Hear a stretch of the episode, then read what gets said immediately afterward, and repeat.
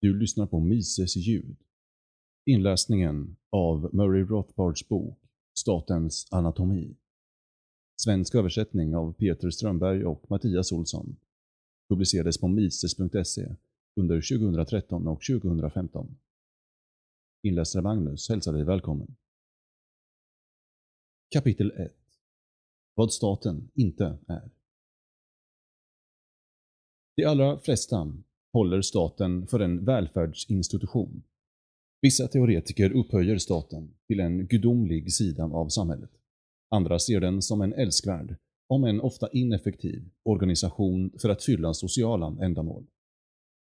Men nästan alla ser den som nödvändig för att uppnå allmänmänskliga mål. Ett medel att ta till mot den privata sektorn som också ofta vinner kampen om resurserna. Demokratins frammarsch har resulterat i att allt fler sätter likhetstecken mellan staten och samhället. Det har gått så långt att det idag är vanligt att höra folk uttrycka uppfattningar som bryter mot i stort sett all vett, dans och sund förnuft. Exempelvis att staten, det är vi. Det användbara ordet vi har möjliggjort att ideologiskt kamouflage som skyler det politiska livets realiteter. Om staten är vi, då är allt som staten gör mot en individ inte bara rättvist och otyranniskt, men också frivilligt, å den berörda individens vägnar. Om en enorm statsskuld byggts upp, en som måste betalas genom att en grupp beskattas till förmån för en annan, döljs denna börda med att vi står i skuld till oss själva. Om staten tvingar en man till värnplikt, eller slänger honom i ett fängelse för otillåtna åsikter, då anses han göra det mot sig själv. Och inget otillständigt har följaktligen skett. Med ett sådant resonemang kommer man fram till att judar som mördas av den tyska naziregimen inte alls blev mördade. Istället måste de ha begått självmord eftersom det var staten, ledd av en demokratiskt vald regering.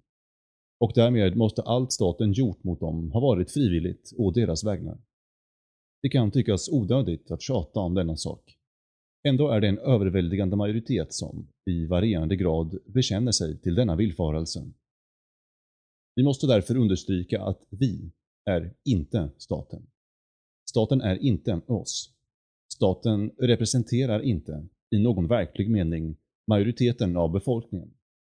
Men även om den gjorde det, även om 70% av befolkningen beslutade att de återstående 30 procenten skulle mördas, skulle det fortfarande vara mord och inte frivilligt självmord på den slaktade minoritetens vägnar.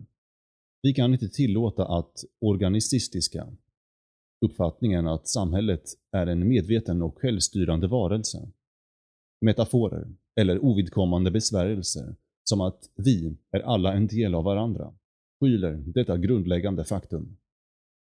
Om nu staten inte är oss, om den inte är den mänskliga familjen som samlas för att avgöra gemensamma problem. Om den inte är ett stugmöte eller ett klubbhus. Vad är den då? Kortfattat är staten den organisation i ett samhälle som försöker underhålla ett monopol på våldsutövande inom ett givet territorium. Specifikt är det den enda organisationen i samhället som inte får sina intäkter via frivilliga bidrag eller betalning för utförda tjänster utan via tvång.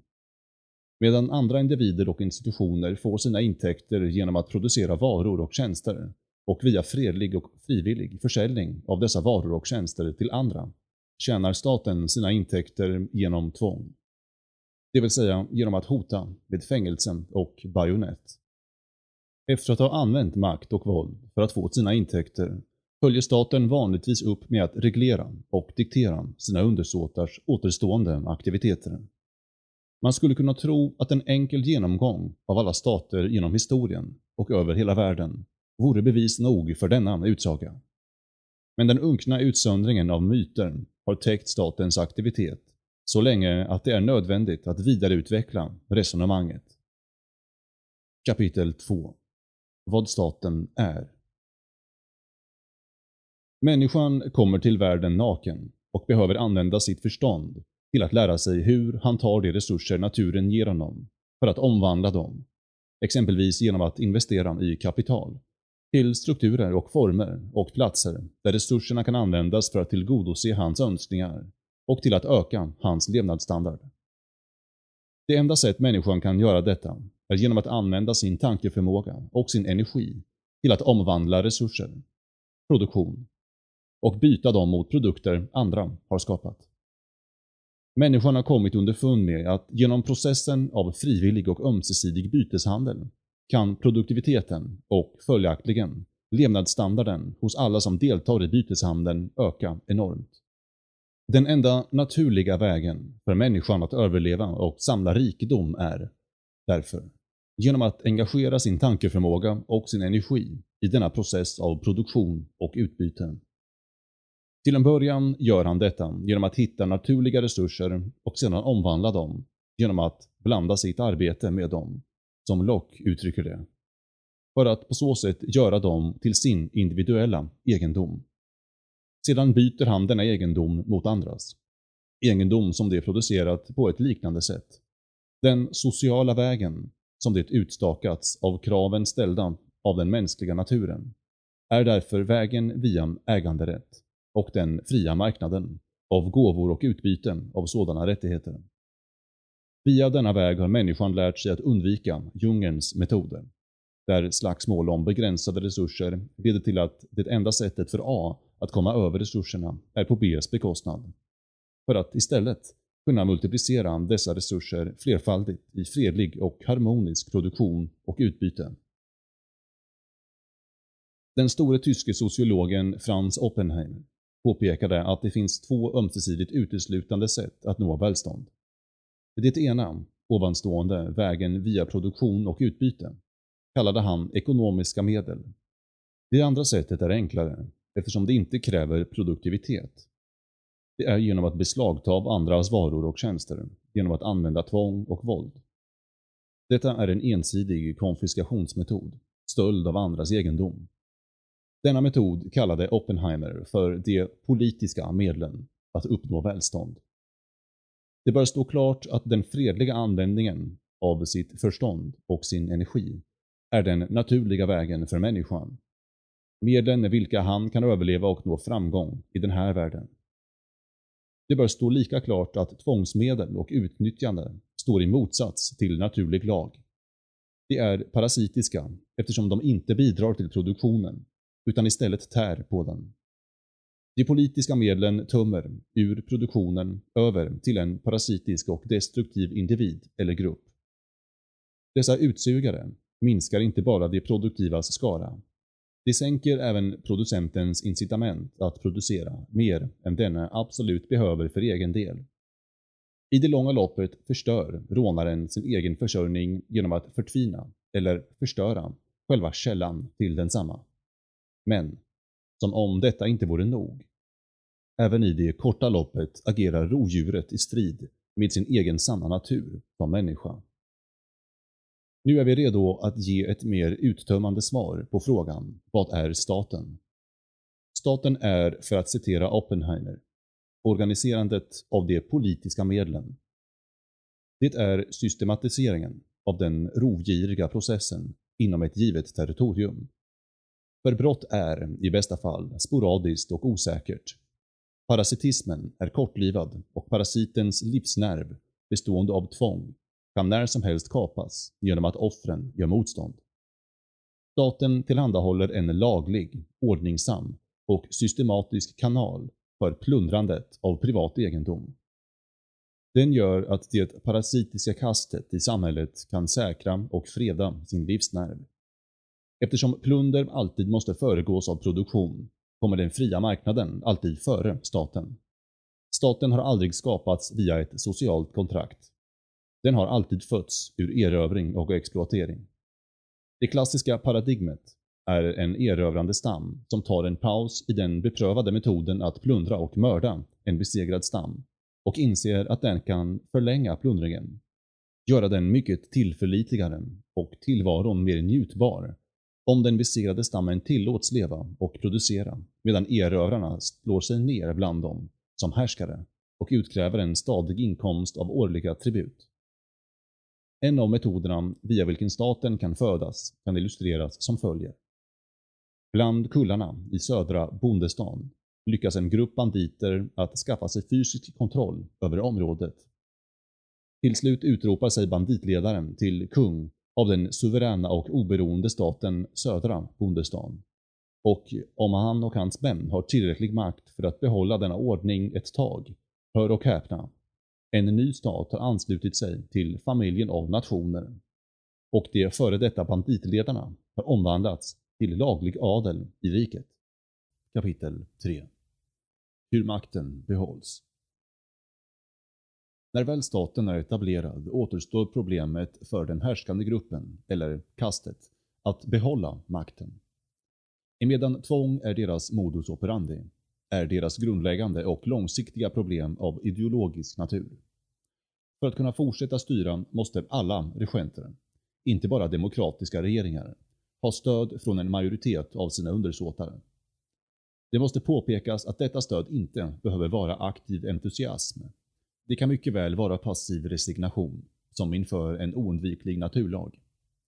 Det måste vara stöd i form av någon slags acceptans. Annars skulle snart statens härskare, som är i minoritet, förlora mot det aktiva motståndet från majoriteten av allmänheten. Eftersom plundringen måste tas från överskottet av produktionen är det av nödvändighet sant att samhällsklassen som utgör staten, heltidsbyråkraterna och aristokratin, måste vara en ganska liten minoritet i landet. Även om de naturligtvis kan köpa sig allierade bland viktiga grupper i befolkningen. Därför är det den huvudsakliga uppgiften alltid att säkra det aktiva eller resignerade stödet från majoriteten av medborgarna. En metod som ligger nära till hands för att säkra stöd är genom att skapa ekonomiska intressesfärer. Därför kan kungen inte regera ensam. Han måste ha en ansenlig mängd följare som tycker om regerandets konst. Exempelvis statsapparatens medlemmar, alltså heltidsbyråkraterna och den etablerade aristokratin. Men detta säkrar ändå bara en minoritet av ivriga anhängare. Det räcker inte ens med det nödvändiga inhandlandet av stöd via subventioner och privilegier för att skaffa sig majoritetens samtycke. För denna, helt nödvändiga, acceptans krävs det att majoriteten övertygas ideologiskt om att deras regering är god, vis eller åtminstone oundviklig och helt säkert bättre än andra tänkbara alternativ. Den socialt viktiga uppgiften att uppmuntra denna ideologi bland folket tillfaller de intellektuella.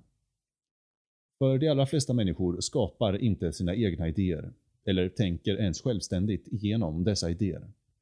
De följer passivt de idéer som anammas och sprids av den intellektuella samhällsgruppen. Det är därför de intellektuella har rollen att forma opinionen i samhället. Grunden för den urgamla alliansen mellan staten och de intellektuella förklaras av att det är just detta formande av opinionen som staten så desperat behöver. Det är lätt att se att staten behöver det intellektuella, men inte fullt så uppenbart varför de intellektuella behöver staten. Enkelt uttryckt kan vi konstatera att det intellektuellas upphällen inte är helt säkrat på en fri marknad. Där måste det intellektuella förlita sig på värderingar och val hos massan av sina medmänniskor och om det är något som utmärker just massorna är det att de generellt är ointresserade av intellektuella frågor. Staten, å andra sidan, är villig att erbjuda de intellektuella fast förankring inom statsapparaten och därmed en säker inkomst och glänsande prestige. De intellektuella kommer bli rundhänt belönade för den viktiga funktion de utför åt statens härskare.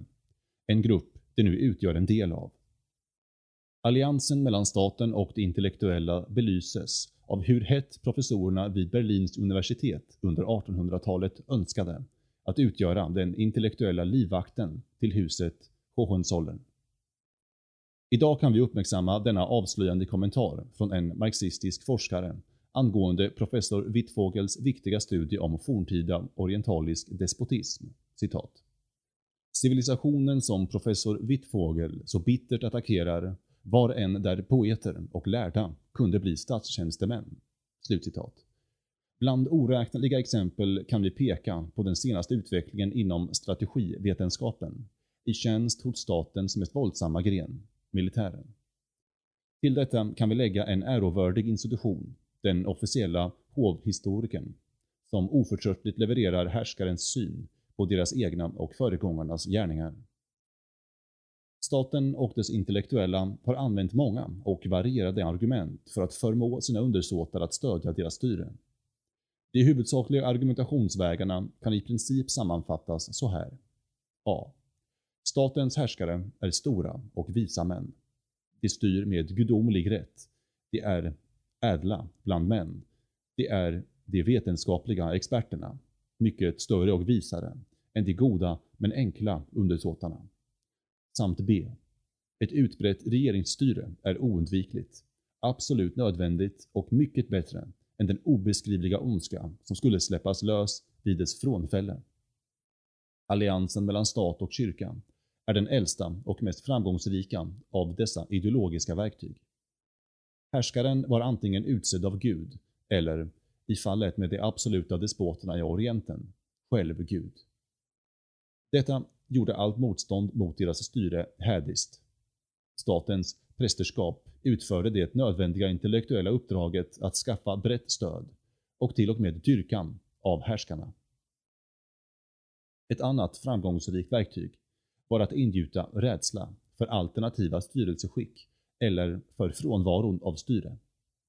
De nuvarande härskarna, hävdades det, försåg medborgarna med livsviktiga tjänster för vilka de skulle vara högst tacksamma. Skydd mot allehanda brottslingar och marodörer.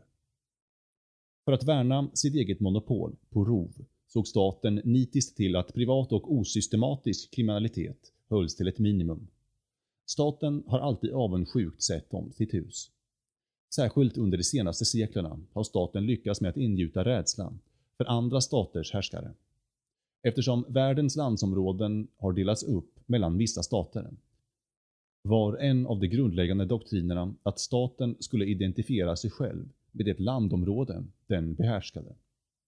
Eftersom de flesta älskar sina hemtrakter blev identifieringen av det landområdet och dess folk med staten ett medel för att få naturlig patriotism att verka till statens fördel. Om bondestan var under attack från Muravien var statens och dess intellektuellas första uppgift att övertyga bondestans befolkning om att det egentligen var de som blev attackerade och inte den styrande klassen. På detta sätt blev ett krig mellan härskare till ett krig mellan folk. Folk som på båda sidor ryckt ut till sina härskares försvar i den felaktiga tron att det var härskarna som skyddade dem. Nationalism har bara fungerat som detta verktyg under de senaste seklerna. Det var inte länge sedan som massorna av undersåtar betraktade krig som irrelevanta strider mellan diverse sammanslutningar av aristokrater. De ideologiska vapen som staten har svingat genom århundradena har varit många och raffinerade. Ett utmärkt tillhygge har varit tradition. Ju längre en stats styre lyckas upprätthålla sig självt, desto kraftfullare har detta vapen blivit. Då tycks X-dynastin, eller Y-staten, få tyngden från sekler av tradition bakom sig.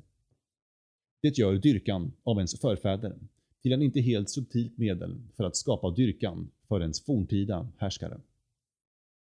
Den största faran för staten är oberoende intellektuell kritik. Det finns inget effektivare sätt att kväsa kritiken än att anklaga en ensam röst, den som ger upphov till nya tvivel, för att vara en gudslös kränkare av förfädernas visdom. Ett annat potent medel är att avskaffa individen till förmån för kollektivet i samhället.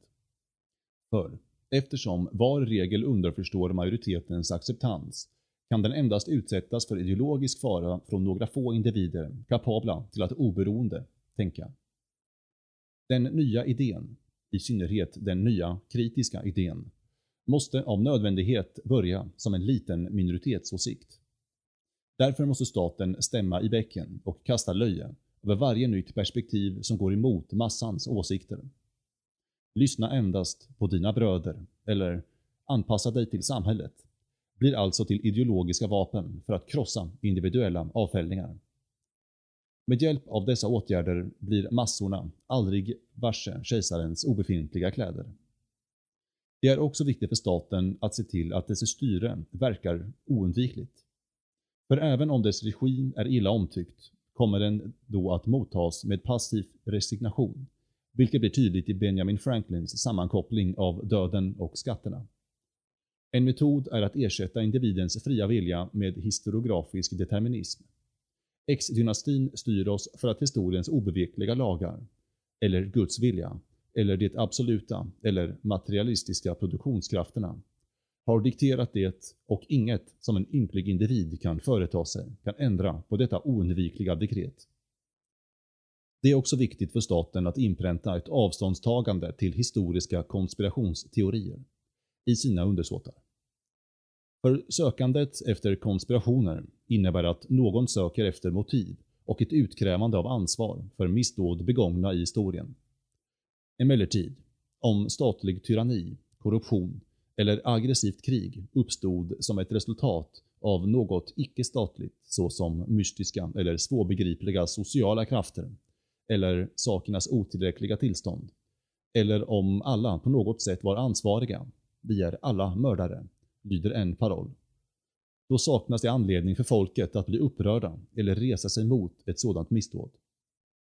Vidare får en attack mot konspirationsteorier som resultat att folket blir mer godtrogna när staten kommer med sitt uttjatade. Det är för det allmännas bästa. Som motivering för sina despotiska åtgärder. En konspirationsteori kan försvaga systemet genom att så tvivel kring statens ideologiska propaganda.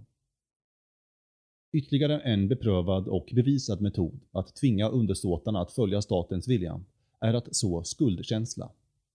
Ett ökat privat välmående kan attackeras som samvetslös girighet, materialism eller överdrivet välstånd. Vinster kan attackeras som utnyttjande eller ocker.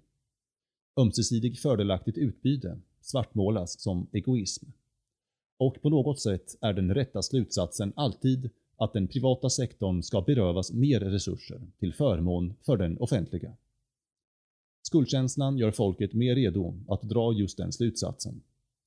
För medan individer tenderar att hänge sig åt självisk girighet är det meningen att vi ska tolka statens ovilja att engagera sig i utbyte som ett tecken på deras hängivenhet till högre syften. Parasitiskt röveri är tydligen moraliskt och estetiskt upphöjt i jämförelse med fredligt och produktivt arbete. I dessa mer sekulära dagar har statens gudomliga rätt blivit ersatt via åberopandet av en ny gud, vetenskapen. Statligt styre utropas nu som ultravetenskapligt, då det utgörs av experternas planering. Men även om det ofta hänvisas till förnuftet än det har gjorts i tidigare sekel, är det inte individens sanna förnuft och hur han följer sin fria vilja. Det är fortsatt kollektivt och deterministiskt. Fortfarande underförstås det holistiska aggregat och härskarnas våldsamma manipulation av sina undersåtar. Den ökande användningen av vetenskaplig jargong har tillåtit statens intellektuella att väva ett döljande täcke av ursäkter för statligt styre, som i enklare tider enbart hade ådragit sig löje från populasen. En rånare som rättfärdigade sin stöld genom att säga att han egentligen hjälpte sina offer, genom att han spenderade stöldgodset på ett sätt som skapade tillväxt i detaljhandeln, skulle inte lura många. Men när en sådan teori kläs i keynesianska ekvationer och imponerade referenser till multiplikatoreffekten blir den tyvärr mer övertygande. Och på så sätt fortgår attacken på sunt förnuft, där varje tidsålder utför uppgiften på sitt eget sätt. Alltså, eftersom ideologiskt stöd är livsviktigt för staten, måste den öka sina ansträngningar att imponera folket med sin legitimitet för att dess aktiviteter ska se annorlunda ut än vad som vanliga banditer sysslar med. Den oförtröttliga beslutsamhet med vilken staten attackerar det sunda förnuftet är ingen slump. För, som Mencken så levande framhöll, citat. Med alla sina tillkortakommanden är ändå den genomsnittlige mannen medveten om att staten är någonting utanför både honom själv och de flesta av hans medmänniskor att det är en separat, oberoende och fientlig makt. Bara delvis under hans kontroll och kapabel att göra honom mycket illa. Är det inte intressant att lura staten allmänt anses som ett mycket mindre brott än att lura en medmänniska eller ett företag. Jag tror att anledningen till allt detta är en djupgående känsla av grundläggande fiendeskap mellan staten och folket den behärskar. Den uppskattas inte som en sammanslutning av medborgare utan som en separat och självständig organisation som huvudsakligen hänger sig åt att utnyttja befolkningen till förmån för sina egna medlemmar. När en privatperson blir rånad är det en hedervärd man som berövats frukten av sin företagsamhet och sparsamhet. Det värsta som kan hända när staten blir rånad är att några skurkar och dagdrivare får mindre pengar att röra sig med än de hade innan. Ingen skulle få för sig om att de hade förtjänat dessa pengar. De flesta vettiga människor skulle tycka att den tanken var skrattretande. Kapitel 4 Hur staten överträder sina befogenheter som Bertrand de Jovenel så vist påpekade. Genom århundradena har människor utformat koncept avsedda att kontrollera och begränsa statens maktutövning. Och varje gång har staten med hjälp av sina intellektuella vänner kunnat förvandla dessa koncept till ett intellektuellt sigill av legitimitet och dygd som den kan dekorera sina dekret och åtgärder med. I Västeuropa betydde konceptet med gudomlig suveränitet ursprungligen att kungarna bara fick härska i enlighet med gudomlig lag. Kungarna använde konceptet som en stämpel för gudomligt godkännande av allt vad de tog sig för. Konceptet med parlamentarisk demokrati började som ett sätt för folket att kontrollera den absoluta kungliga makten. Till slut blev parlamentet en nödvändig beståndsdel av staten och alla dessa åtgärder blev totalt suveräna. Som de Jovenel sammanfattar, citat. Många suveränitetsteoretiker har utarbetat anordningar för att begränsa makten.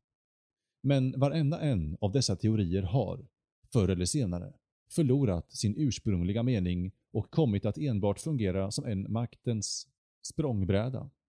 Genom att förse den med hjälp från en osynlig härskare med vilken makten efter ett tag kan identifiera sig själv. Slutcitat. På samma sätt går det med mer specifika doktriner. Individens naturliga rättigheter, som omhuldats av John Locke och i USAs rättighetsförklaring, blev etatismens rätt till arbete. Utilitarismen svängde från att argumentera för frihet till att argumentera mot att göra motstånd när staten invaderar individens frihet, och så vidare. Utan tvekan är rättighetsförklaringen och andra begränsade delar av den amerikanska konstitutionen det mest ambitiösa försöket att hålla staten i schack. Där utgör nedskrivna gränser för regeringsmakten själva fundamentet för landets lagsystem och anförtroddes åt ett domstolsväsen som förmodades vara oberoende av maktens övriga grenar. Alla amerikaner är bekanta med den process genom vilken den statsbegränsade konstruktionen av konstitutionen obevekligen har getts allt bredare tolkningsutrymme under det senaste seklet. Men få har som professor Charles Black sett så tydligt hur staten under processens gång har lyckats förvandla själva den juridiska översynen från att vara en begränsande anordning till att bli ytterligare ett sätt för regeringsmakten att förse sina gärningar med ideologisk legitimitet. För om det juridiska omdömet ej författningsenligt är en mäktig kontroll av regeringsmakten är ett underförstått eller uttalat utslag som säger författningsenligt ett mäktigt vapen för att odla folklig acceptans för en ständigt utökning av statens makt. Professor Black började sin analys med att påpeka hur avgörande, nödvändigt, legitimitet är för regeringsmaktens fortbestånd. Denna legitimering är grunden för majoritetens acceptans av regeringsmakten och dess gärningar. Acceptans för legitimiteten blir ett extra tydligt problem i ett land som USA, där betydande begränsningar är inbyggt i den teori på vilken regeringsmakten vilar. Black tillägger att vad som behövs är ett sätt för regeringsmakten att försäkra folket om att statens utökade befogenheter visst är författningsenliga. Och detta, sammanfattar han, har utgjort den juridiska översynens huvudsakliga funktion genom historien. Låt Black illustrera problemet. Citat. Den största risken som regeringsmakten löper är att missnöje och en djup upprördhet sprider sig i de breda folklagren. Samt att regeringsmakten förlorar sin moraliska auktoritet, oavsett hur länge den kan hållas uppe med våld, tröghet eller brist på omedelbart tillgängliga alternativ. Nästan alla som lever under en statsmakt med begränsade befogenheter kommer förr eller senare att utsättas för någon statlig åtgärd som han personligen tycker sträcker sig utanför statens befogenheter, eller rent av är förbjudet för staten att göra. En man som tvingas till värnplikt, även fast han inte kan hitta något om värnplikt i konstitutionen. En bonde blir tillsagd hur mycket vete han ska tillåtas odla. Men han tycker, och upptäcker, att ansedda jurister håller med honom. Att staten inte har mer rätt att styra hur mycket vete han kan odla än den har rätt att lägga sig i vem hans dotter väljer att gifta sig med. En man åker i fängelse för att han säger vad han har på hjärtat och han går runt i cellen och reciterar. Kongressen ska inte skapa några lagar som inskränker yttrandefriheten. En affärsman blir tillsagd hur mycket han kan begära, hur mycket han ska begära för sin kärnmjölk. Faran är att var och en av dessa människor, och vem tillhör inte deras rank, kommer att jämföra konceptet med begränsning av statsmakten med en verklighet så som han ser den, med flagranta överträdelser av uttalade begränsningar och drar den uppenbara slutsatsen rörande hur legitim regeringen han lever under är. Slutcitat. Denna fara undviks genom att staten för fram doktrinen att en instans måste ha den yttersta bestämmanderätten kring författningsenlighet och att denna instans, till syvende och sist, måste vara en del av regeringsmakten.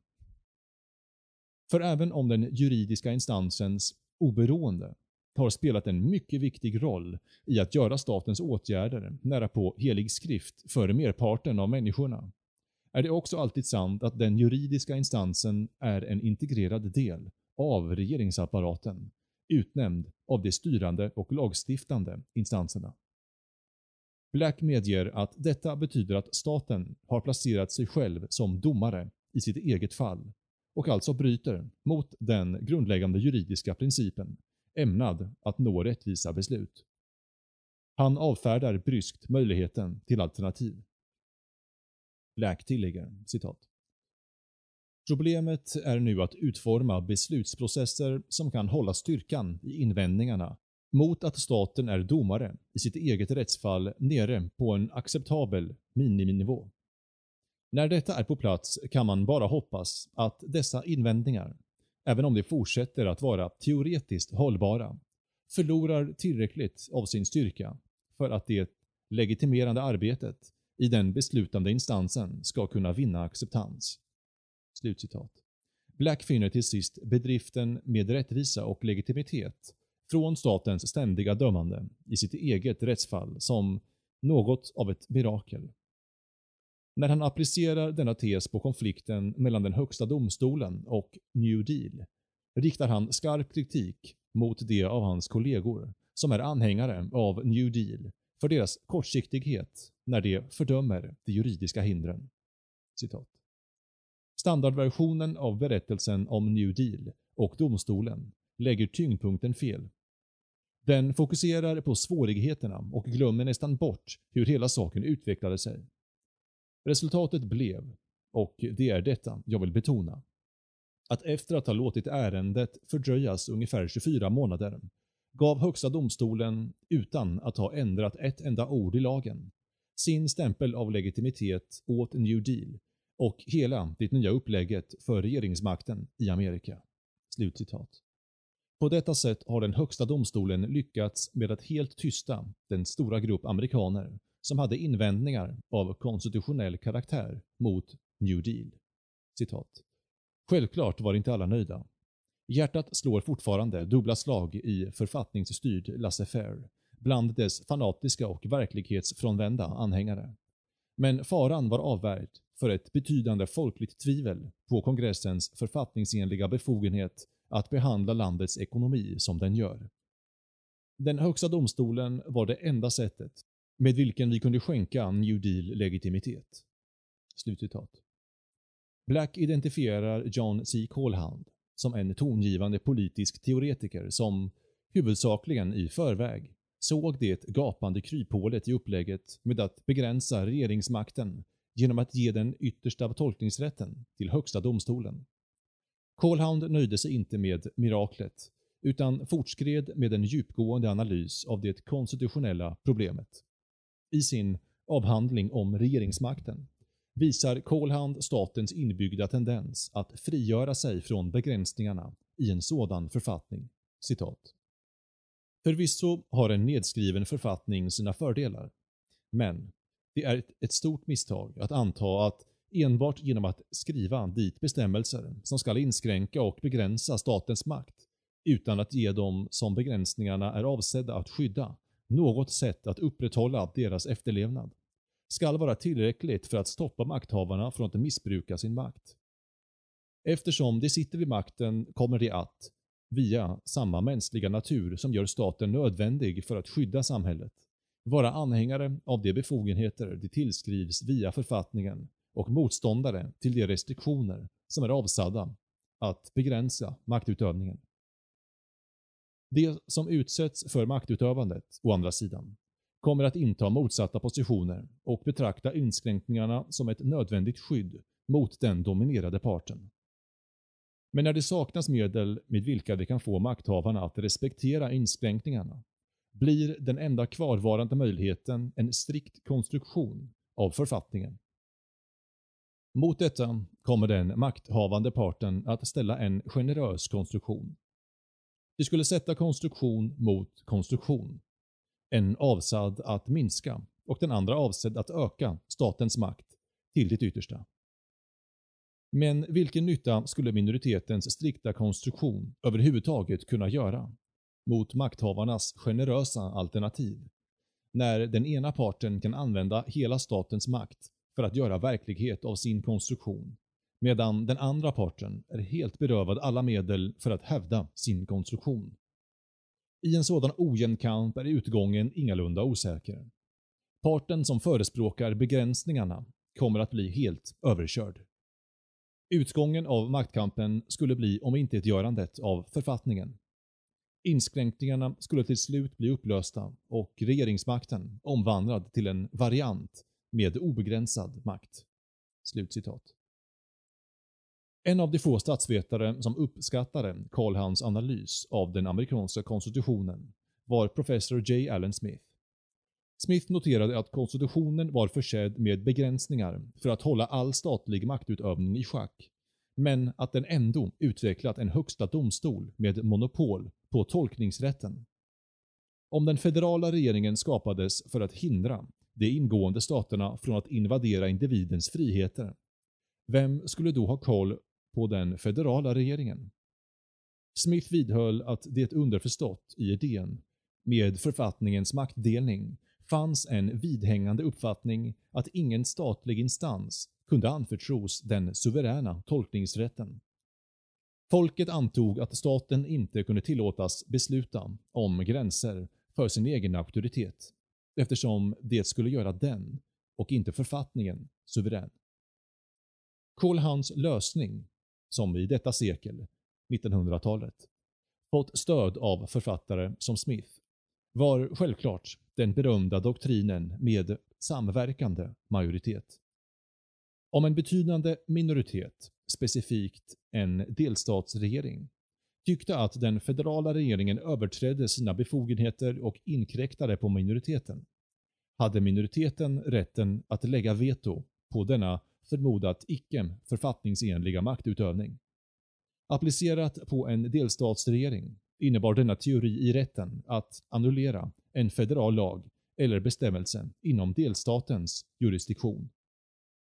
I teorin ledde detta till ett författningssystem som försäkrade att den federala staten kontrollerade att delstaterna inte invaderade individuella rättigheter, medan delstaterna kontrollerade att den federala staten inte missbrukade sin makt över individen. Ändå, även om författningens begränsningar skulle haft större verkan än de har idag, finns det många svårigheter med Kolhans lösning. Om nu en underordnad grupp skulle ha rätt till veto över angelägenheterna som berörde dem, varför dra gränsen vid delstaterna? Varför inte län, städer, kvarter? Vidare definieras intressegrupper inte enbart utifrån geografi.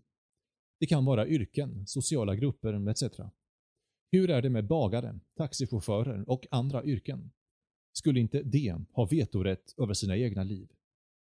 Det här leder oss till den viktiga iakttagelsen att annulleringsteorin begränsar sina kontroller till själva regeringarna. Vi får inte glömma att såväl den federala staten som delstaterna samt deras respektive utgreningar fortfarande är stater. Att de fortsatt är vägledda av sina egna statsintressen snarare än de privata medborgarnas angelägenheter. Vad skulle hindra Colhounds system från att ha helt motsatt effekt där delstaterna tyranniserar sina medborgare och bara använder sin veto mot den federala regeringen när den försöker stoppa denna delstats tyranni. Eller att delstaten samtycker till den federala tyrannin. Vad hindrar den federala regeringen och delstatsregeringarna från att förena sig i exploatering av medborgarna? Och även om privata yrkesgrupper fick någon slags funktionell representation i regerandet. Vad skulle hindra dem från att använda staten till att raka åt sig subventioner och andra privilegier? Eller från att tvinga in sina egna medlemmar i karteller? I korthet. Colhound drar inte sin banbrytande teori om samverkan långt nog. Han tar den inte ner till själva individens nivå. När allt kommer omkring, om det nu är individens rättigheter som ska försvaras, kräver en konsekvent samverkansteori att varje individ har vetorätt. Det vill säga en form av enhällighetsprincip. När Colhound skrev att det skulle vara omöjligt att sätta eller hålla staten i arbete utan allas samverkande samtycke, innebar det att han, möjligen omedvetet, bjöd in till just en dylik slutsats. Men sådan spekulation riskerar att avleda oss från vårt ämne, eftersom om vi fullföljer resonemanget. Vi för oss till ett system som knappast kan kallas stater överhuvudtaget. Exempelvis precis som delstaternas rätt att annullera logiskt leder till deras rätt till utträde, leder en individs rätt till annullering till dennes rätt till utträde ur den stat under vilken han lever. Alltså, staten har, gång efter annan, bevisat sin talang för att expandera sin makt bortom de gränser som möjligen har satts på den. Eftersom staten nödvändigtvis lever på att den kan tvinga till sig privat kapital och eftersom dess expansion nödvändigtvis innebär ständigt växande angrepp på privata individer och företag måste vi konstatera att staten är fullkomligt antikapitalistisk till sin natur. I någon mening är vår position den rakt motsatta till den marxistiska ståndpunkten att staten går den härskande klassens, förmodat kapitalisternas, ärenden. Istället är staten de politiska medlens institution och själva källan till den härskande klassen, eller snarare det härskande kastet, och befinner sig i ständig opposition till verkligt privat kapital. Vi kan därför med de Jovenels ord säga, citat. Bara de som är helt okunniga om någon annan tid än sin egen. De som befinner sig i totalt mörker kring hur makten betett sig genom årtusendena skulle betrakta dessa åtgärder, förstatligande, inkomstskatter etc. som resultatet av någon given uppsättning doktriner. Åtgärderna är förvisso maktens moraliska manifestation och skiljer sig till sin natur på intet vis från Henrik den åttondes beslagtagande av klostren. Det är samma principer i arbete. hungern efter auktoritet, törsten efter resurser. Och alla dessa ingrepp delar samma karaktärsdrag, inklusive den snabbhet med vilka de som delar på bytet stiger i graderna. Vare sig det är socialister eller ej, måste makten alltid vara i krig med de kapitalistiska instanserna och plundra kapitalisterna på deras välstånd. När den gör detta lyder den sin egen natur. Vad staten är rädd för Självklart fruktar staten allra mest fundamentala hot mot dess egen existens. Staten kan dö på huvudsakligen två sätt. A. Den blir erövrad av en annan stat. Eller B. Genom en revolution där den blir kullkastad av sina egna undersåtar. I korthet via krig eller revolution. Det finns inget eh, som kan få statens härskare att mobilisera större insatser och propaganda som krig och revolution. De två grundläggande hoten. Som vi tidigare har varit inne på finns inga mer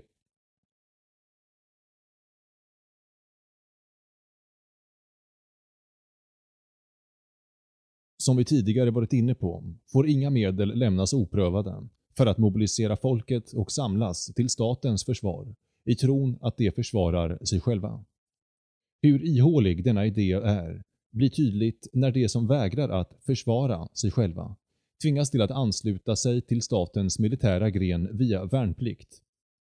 Det behöver knappast tilläggas att deras egen stat inte tillåter dem att försvara sig mot detta tvång. I tider av krig dras statens makt till sitt yttersta. Under parollerna värn och nödläge kan staten uttvinga en tyranni mot befolkningen som skulle möta öppet motstånd i fredstid. Krig förser staten med många fördelar. Alla moderna krig har ådragit de inblandade folken ett permanent arv bestående av statliga bördor på samhället. Krig bereder också staten med frestande tillfällen att erövra mer land över vilket den kan utöva sitt våldsmonopol. Randolph Bourne hade verkligen rätt i att citat Krig är statens hälsa.” Slutcitat. Även om krig för en given stat kan leda till såväl hälsa som undergång. Vi kan testa hypotesen att staten främst är intresserad av att skydda sig själv snarare än sina undersåtar genom att fråga vilken kategori av brott staten är mest ivrig att utreda och straffa. Det som drabbar privata medborgare eller det som drabbar staten. Nästan undantagslöst är de grövsta brotten i lagböckerna inte det mot privatpersoner eller egendom, utan sådant som utsätter staten för risk. Exempelvis förräderi, desertering, smitande från värnplikten, omstörtande planer, mord på härskare samt ekonomiska brott som att förfalska statens pengar eller undvikande av dess skatter. Jämför över den nit med vilken staten förföljer den som attackerar en polisman med den uppmärksamhet som ges åt överfall på en vanlig medborgare. Märkligt nog är det få människor som störs av den uppenbara motsägelsen som bor i denna prioritering av dess egen existens jämfört med hur den sagda existensen motiveras. Kapitel 6 Hur staterna förhåller sig till varandra Eftersom jordens yta är uppdelad mellan olika stater måste en stor del av en stats tid och energi användas åt mellanstatliga relationer. En stat har en naturlig tendens att expandera sin makt och externt sker sådan expansion genom erövring av mer landyta. Såvida ett territorium inte är statslöst eller obebott väcker en sådan expansion en inneboende konflikt mellan olika uppsättningar av härskares intressen. Bara en uppsättning härskare kan upprätthålla ett monopol på tvång över en given territoriell yta under en given tidsperiod. Stat X absoluta makt över ett territorium kan bara åstadkommas genom att stat Y drivs ut. Stater kommer alltid ha en tendens till krig, trots riskerna. Tider av krig kommer växlas med tider av fred och skiftande koalitioner och allianser av stater. Vi har sett att interna, eller inhemska försök att begränsa staten från 16 till 1800-talet nådde sin mest uttalade form i konstitutionalismen. Dess motsvarighet externt, eller inom utrikes affärer, var utvecklingen av internationell rätt. Speciellt då i former av krigslagar och neutralitetsrätten. Delar av den internationella rätten var ursprungligen helt privata. Framsprungna ur köpmännens och handlarnas behov att skydda sin egendom och att kunna få dispyter lösta. Två exempel på detta är sjörätten och köpmännens lag, lex mercatoria. Men också regeringarnas regelverk växte fram frivilligt och tvingade inte fram någon internationell superstat. Avsikten med krigslagarna var att begränsa den mellanstatliga förstörelsen av själva statsapparaten och skyddade därmed den oskyldiga civilbefolkningen från krigets slakt och förödelse. Avsikten med utvecklingen av neutralitetsrätten var att skydda privat internationell handel, också med fientliga länder, från att beslagtas av någon av de stridande parterna. Inte att förväxla med modern neutralitetsrätt som handlar om staters rätt att förhålla sig neutrala i konflikter. Den övergripande målsättningen var alltså att begränsa utsträckningen av ett krig och speciellt att begränsa dess förödande påverkan på privata medborgare i de neutrala och till och med i de stridande länderna. Juristen FGP Wiel beskriver charmerande den civiliserade krigsföringen som kortvarigt blomstrade i 1400-talets Italien. Citat. De rika borgarna och köpmännen i det medeltida Italien var alltför upptagna med att tjäna pengar och njuta av livet för att utsätta sig för de mödor och faror det skulle innebära att själva ta värvning. De utvecklade därför metoden att hyra legosoldater att strida i deras ställe. Och, sparsamma och företagsamma som de var, gjorde de sig sedan av med legosoldaterna så fort de kunde undvara deras tjänster. Krig utkämpades därför mellan arméer som var inhyrda speciellt för varje fälttåg. För första gången blev soldatyrket rimligt och jämförelsevis harmlöst. Den tidens generaler manövrerade mot varandra, ofta med synnerlig skicklighet. Men när en hade tillskansat sig övertaget ledde det vanligtvis till att hans motståndare gjorde reträtt eller gav upp. Det var en erkänd regel att en stad enbart fick plundras om den bjöd motstånd. Immunitet kunde alltid köpas mot en lösensumma. Som en naturlig konsekvens av detta hände det inte att en stad bjöd motstånd, eftersom det var uppenbart att en regering som var för svag för att försvara sina medborgare hade förlorat deras lojalitet. Civila hade inte mycket att frukta från kriget, vars faror främst brydde professionella soldater. Slutcitat. Den privata medborgarens nära nog absoluta avskärmning från statens krig i 1700-talets Europa belyses av Neff. Citat. Inte ens posthanteringen kunde hindras med någon utdröjd framgång i krigstid. Brev cirkulerade osensurerade, med en frihet som förvånar ett 1900-talssinne. Undersåtarna i två krigsförande nationer pratade med varandra där de träffades, och när de inte kunde träffas korresponderade de, inte som fiender, utan som vänner. Den moderna uppfattningen att undersåtarna i ett fiendeland ska stå delvis till svars för sina härskares krigsbestyr existerade knappt.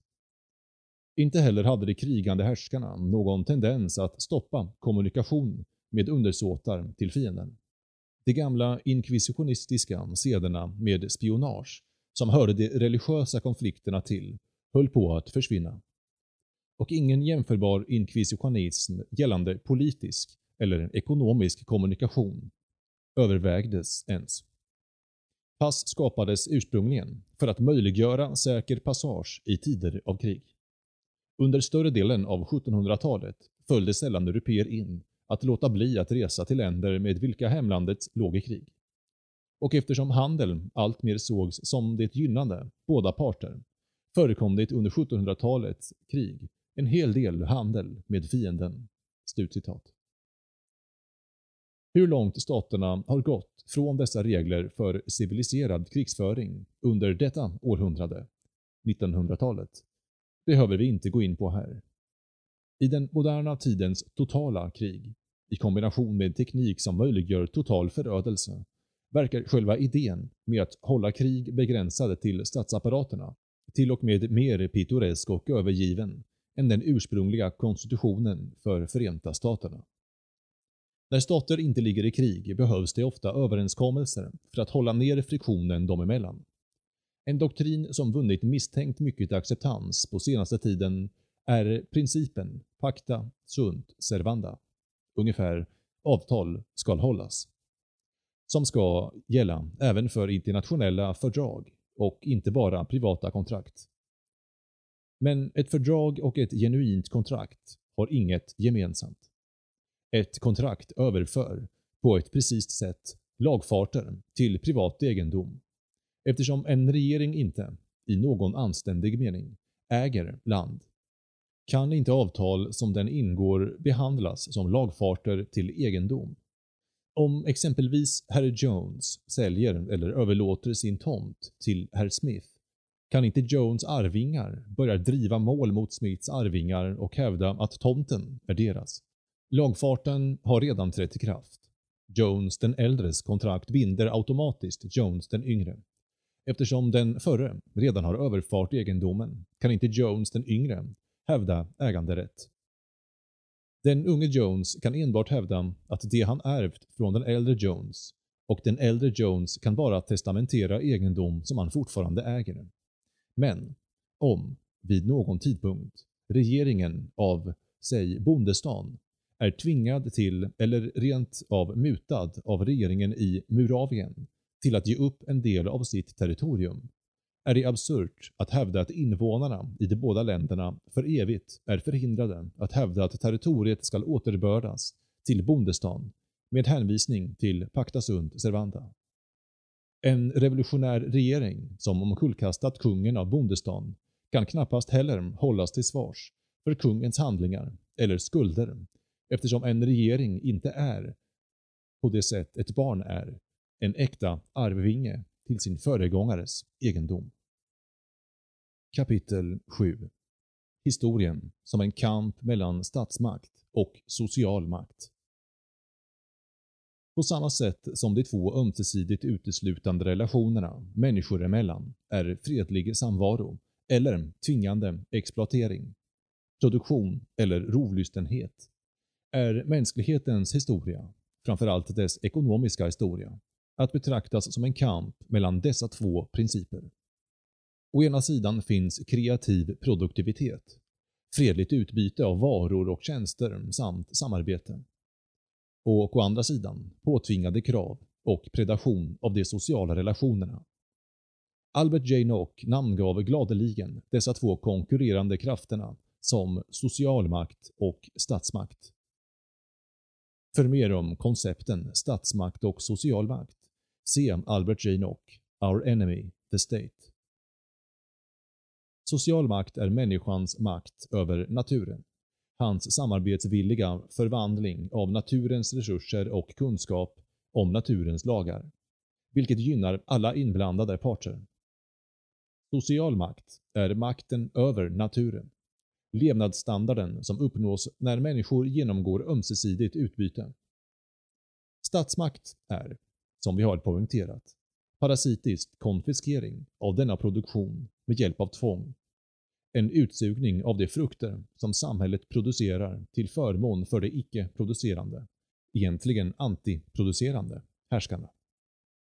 Medan social makt är makt över naturen, är statsmakt makt över människor. Genom historiens lopp har människans produktivitet och kreativa krafter, tid efter annan, skapat nya sätt för människan att förvandla naturen till hennes fördel. Dessa har varit de gånger som den sociala makten har skjutit i höjden och växt större än statsmakten. Och statens makt över samhället har därmed minskat drastiskt. Men staten har alltid, med stor eller liten fördröjning, sökt sig till nya områden för att försvaga och konfiskera den sociala makten ännu en gång. Mitt i förändringarna mellan expansion och kontraktion ser staten alltid till att överta och behålla kontrollen över vissa livsviktiga kontrollposter inom ekonomin och samhället i stort. Bland dessa kontrollposter återfinns våldsmonopolet, juridiskt monopol, sina kanaler inom kommunikation och transport, postkontor, vägar, floder, flyg, vattenverk och utbildning för att forma framtidens medborgares värderingar. I det moderna samhället är pengar en viktig kontrollpost. Om vi säger att det från 1600-talet och hela vägen genom 1800-talet var en tid av accelererande social makt med efterföljande ökad frihet, fred och materiell välfärd. Så som fallet var i många västerländska länder har 1900-talet primärt varit det århundrade då statsmakten hunnit ikapp. Med regression till slaveri, krig och destruktion som följd. Denna parasitiska process där staten hinner ikapp har nästan öppet proklamerats av Karl Marx, som hävdade att socialism måste etableras genom beslagtagning av det kapital som ackumulerats tidigare under kapitalismen. I detta århundrade står mänskligheten återigen öga mot öga med statens virulenta härskarvälde, som nu är beväpnad med frukterna av människans kreativa kraft, som konfiskerats och perverterats för att passa statens egna syften. Under de senaste århundradena har människan försökt att minimera staten med hjälp av konstitutioner och andra medel, bara för att inse att sådana begränsningar, tillsammans med alla andra försök, har misslyckats. Av alla de skepnader som regeringar antagit under de senaste århundradena, av alla de koncept och institutioner som provats, har inget lyckats att hålla statsmakten under kontroll. Detta problem är uppenbarligen lika långt ifrån en lösning som någonsin tidigare. Kanske måste nya metoder utforskas för att en framgångsrik och slutgiltig lösning på det problem som är staten någonsin kan uppnås. En kritisk ingrediens i en sådan lösning är, helt klart, splittringen av alliansen mellan det intellektuella och staten vilket kan uppnås genom att skapa kreativa center för intellektuell utforskning och utbildning helt utanför statsmaktens sfär. Christopher Dawson noterar att den stora intellektuella rörelsen under renässansen och upplysningen möjliggjordes genom att arbeta utanför och stundtals emot de mäktiga universiteten. Den kunskap och de nya idéer som uppkom då etablerades av självständiga tänkare.